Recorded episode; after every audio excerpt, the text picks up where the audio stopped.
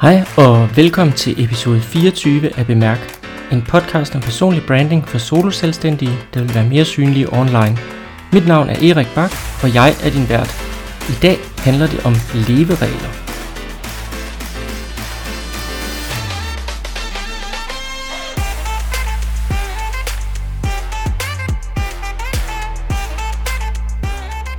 I dag er det lidt en speciel episode, fordi jeg optager den sådan lidt i sidste øjeblik. Vi har været ramt af sygdom herhjemme. Så jeg er en lille smule snottet, og min kone har været meget snottet, og hele familien har været hjemme. Vores ældste har, Axel er blevet testet positiv med corona. Det vil sige, det er han kommet over, så han er bare i skole nu. Men vores yngste sidder stadigvæk og, og snotter lidt inde i sofaen. Så jeg, det kan godt være, at man lige kan høre, at han enten hoster eller har en lidt højlydt iPad. Men hvorom alting det er, vi skal jo i gang med ugens episode, og i denne uge der skal det handle lidt om leveregler. Og det er lidt som en opfølgning på vores snak om værdier og troværdighed.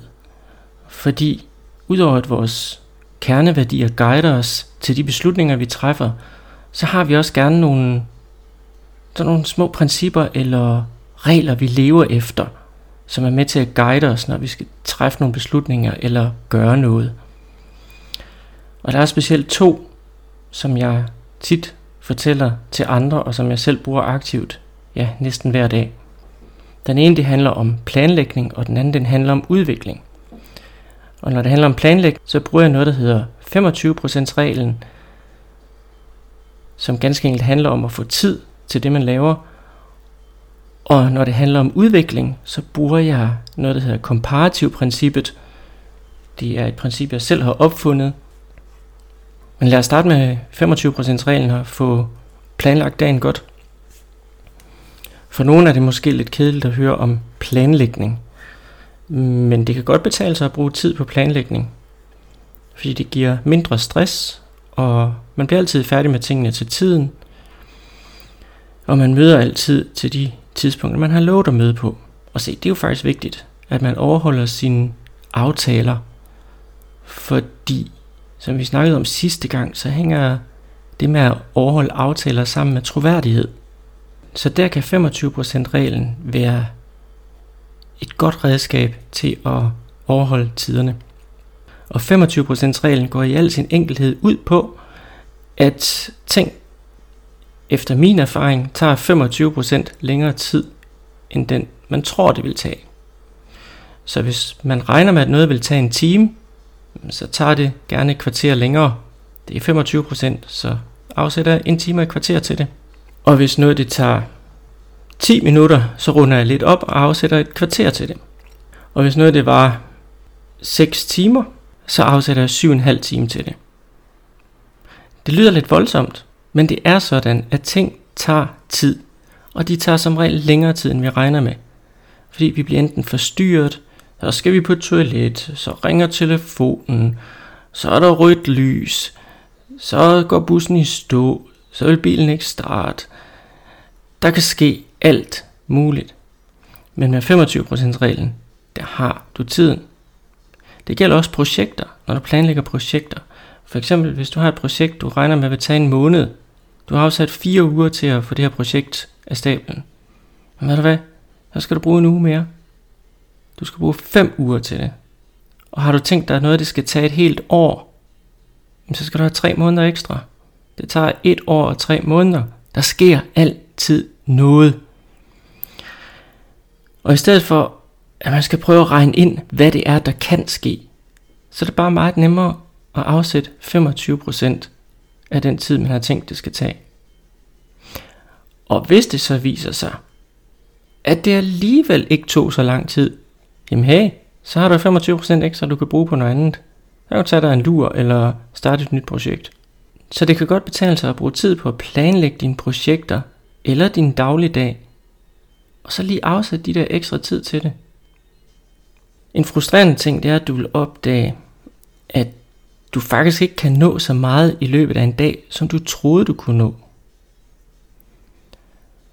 Det er både godt og ondt, fordi normalt så lever du i en eller anden illusion om, at du kunne nå hele din to-do-liste på en dag, fordi du har planlagt det ganske nøje, så du burde kunne nå det hele. Men når du ligger 25% oveni, så vil du opdage, hey, jeg kan ikke nå det hele. Hvad gør du så? Til gengæld, den positive side, det er, at de ting, du havde tænkt, at du skulle nå, dem når du faktisk. Så det vil sige, når dagen den er slut, så føler du succes. Og du har jo allerede planlagt, hvad du skal lave i morgen, eller i overmorgen, eller i næste uge. Så du behøver ikke have dårlig samvittighed over de ting, som du godt kunne have tænkt dig at nå den dag. For du har afsat tid til dem, og du skal også nok nå dem den dag, fordi du har brugt 25% reglen. Prøv dem selv af i dag, når du skal ned og nå bussen, når du skal ud og starte bilen, når du skal cykle til skole eller på arbejde. 25% reglen, den virker. Den anden leveregel, jeg bruger, det er noget, jeg kalder komparativprincippet. Jeg opfandt det selv for mange år siden, da jeg arbejdede med sundhed. Jeg var behandler øh, i zoneterapi. Det var en periode, hvor jeg egentlig ikke rigtig vidste, øh, hvad jeg ville. Jeg vidste, at jeg kunne godt tænke mig at arbejde med sundhed. Og på det tidspunkt arbejdede jeg særligt med idræt, og havde besluttet, at, øh, at jeg ville lære lidt mere om fysiologi og anatomi. Så jeg tog nogle kurser på, på zoneterapeutskolen, og så endte jeg jo med at blive hængende og tog hele uddannelsen. Det kunne jeg lige så godt, nu jeg var i gang.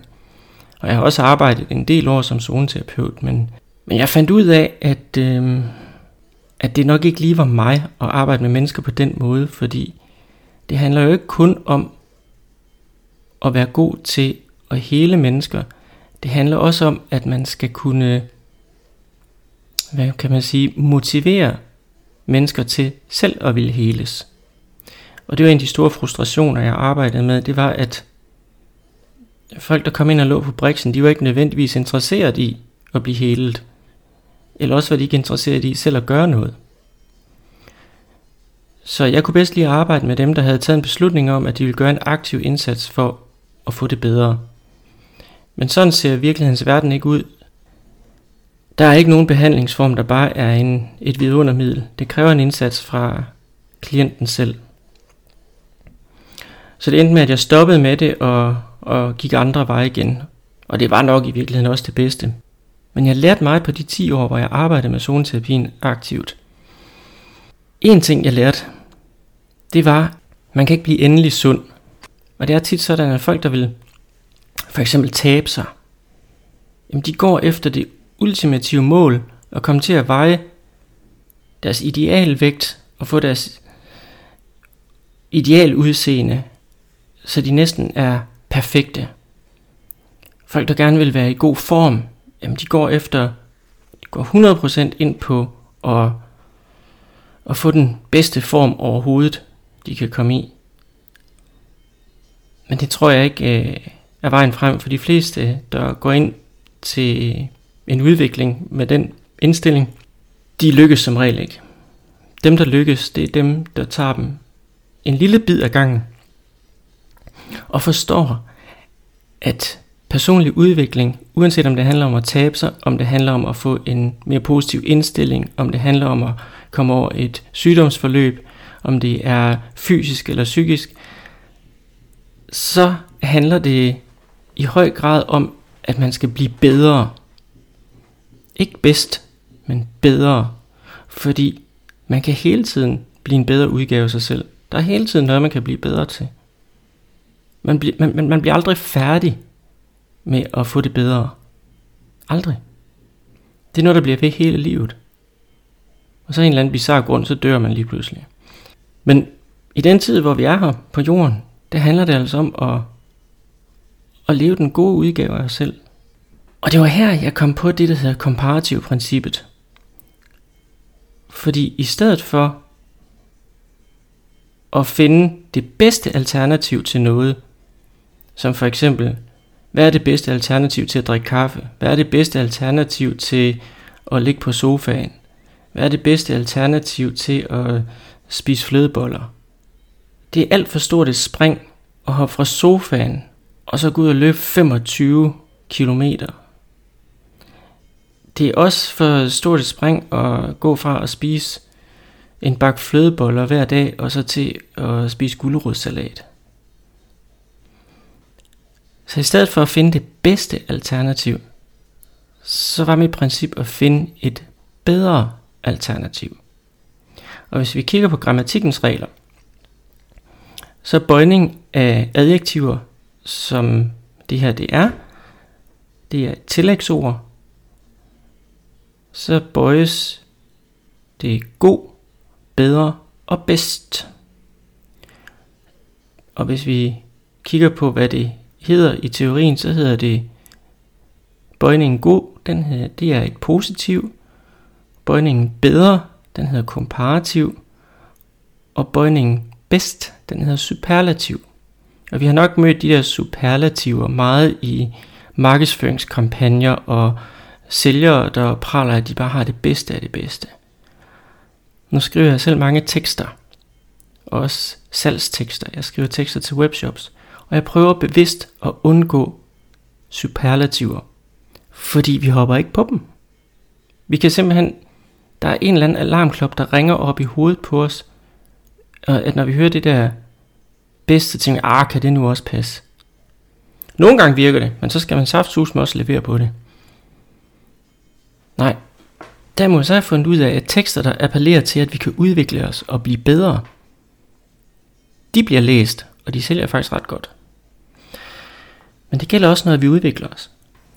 Fordi vi har det med at gå i stå, hvis der er noget definitivt, noget endegyldigt, som den bedste, så behøver vi ikke gøre mere. Så har vi ligesom kommet over det, og så har vi det med at falde tilbage i de gamle vaner, og lige pludselig så står vi tilbage der, hvor vi startede. Og så er vi overhovedet ikke blevet bedre. Men hvis vi hele tiden leder efter et bedre alternativ, en bedre måde at gøre tingene på, så vil vi hele tiden udvikle os. Det stopper aldrig. Vi bliver ved. Og vi bliver hele tiden bedre og bedre og bedre. Positiv varianten, det vil sige, det at være god til noget, det er jo bare en konstatering. Ja, du er god til at lave matematik, for eksempel. Det er da dejligt med en kompliment, men det er egentlig ikke noget, man kan gøre noget ved. Ja, ja, så har man konstateret det. Det er du god til. Men hvis man derimod skal bruge komparativ bedre i sammensætning, så, vil det, så kan man jo ikke sige, du er bedre til, ja, det kunne man måske godt, man kan godt sige, du er bedre til at lave matematik, kan man sige, end hvem eller end hvornår. Men vil man, man vil nok nærmere formulere det som et spørgsmål. Hvordan bliver jeg bedre til matematik? Og så vil jeg hjernen jo begynde at tænke på, hvordan man kan blive bedre til det. Hvordan bliver du bedre til at skrive? Hvordan bliver du bedre til at spise sundt? Hvordan bliver du bedre til at dyrke motion? Så komparativ princippet er et virkelig godt princip at implementere i sin, i sin udvikling af sig selv. Men du kan prøve at bruge det. Prøv at bruge de her to leveregler. Nu lovede jeg, at det her det vil blive et kort afsnit, så det løfte vi at holde. Og så stop her, og så opfordrer jeg dig til, at du prøver allerede i dag, når du planlægger, hvad du skal igennem i dag eller i morgen, og lige lægge de der 25% oveni, og se hvor meget du når. Og om du kommer til tiden til de forskellige ting. Det giver dig mindre stress, jeg lover det. Du bliver ikke nær så stresset, og du får større succesrate. Og i stedet for at opnå det ultimative bedste, så gå efter komparativprincippet. Find ud af, hvordan du bliver bedre til noget. Hvordan du gør noget bedre. For eksempel, hvordan bliver du bedre til at planlægge din tid? Nu har du allerede fået en regel, du kan bruge til det. Men tak fordi du lyttede med på Bemærk her i dag. Det har handlet om leveregler, og du fik to leveregler, 25% reglen og komparativprincippet. Og hvis du ikke allerede har gjort det, så husk at abonnere på Bemærk, så du ikke går glip af næste episode. Du kan læse mere om personlig branding og synlighed på min hjemmeside, erikbak.com. Vi høres ved i næste uge.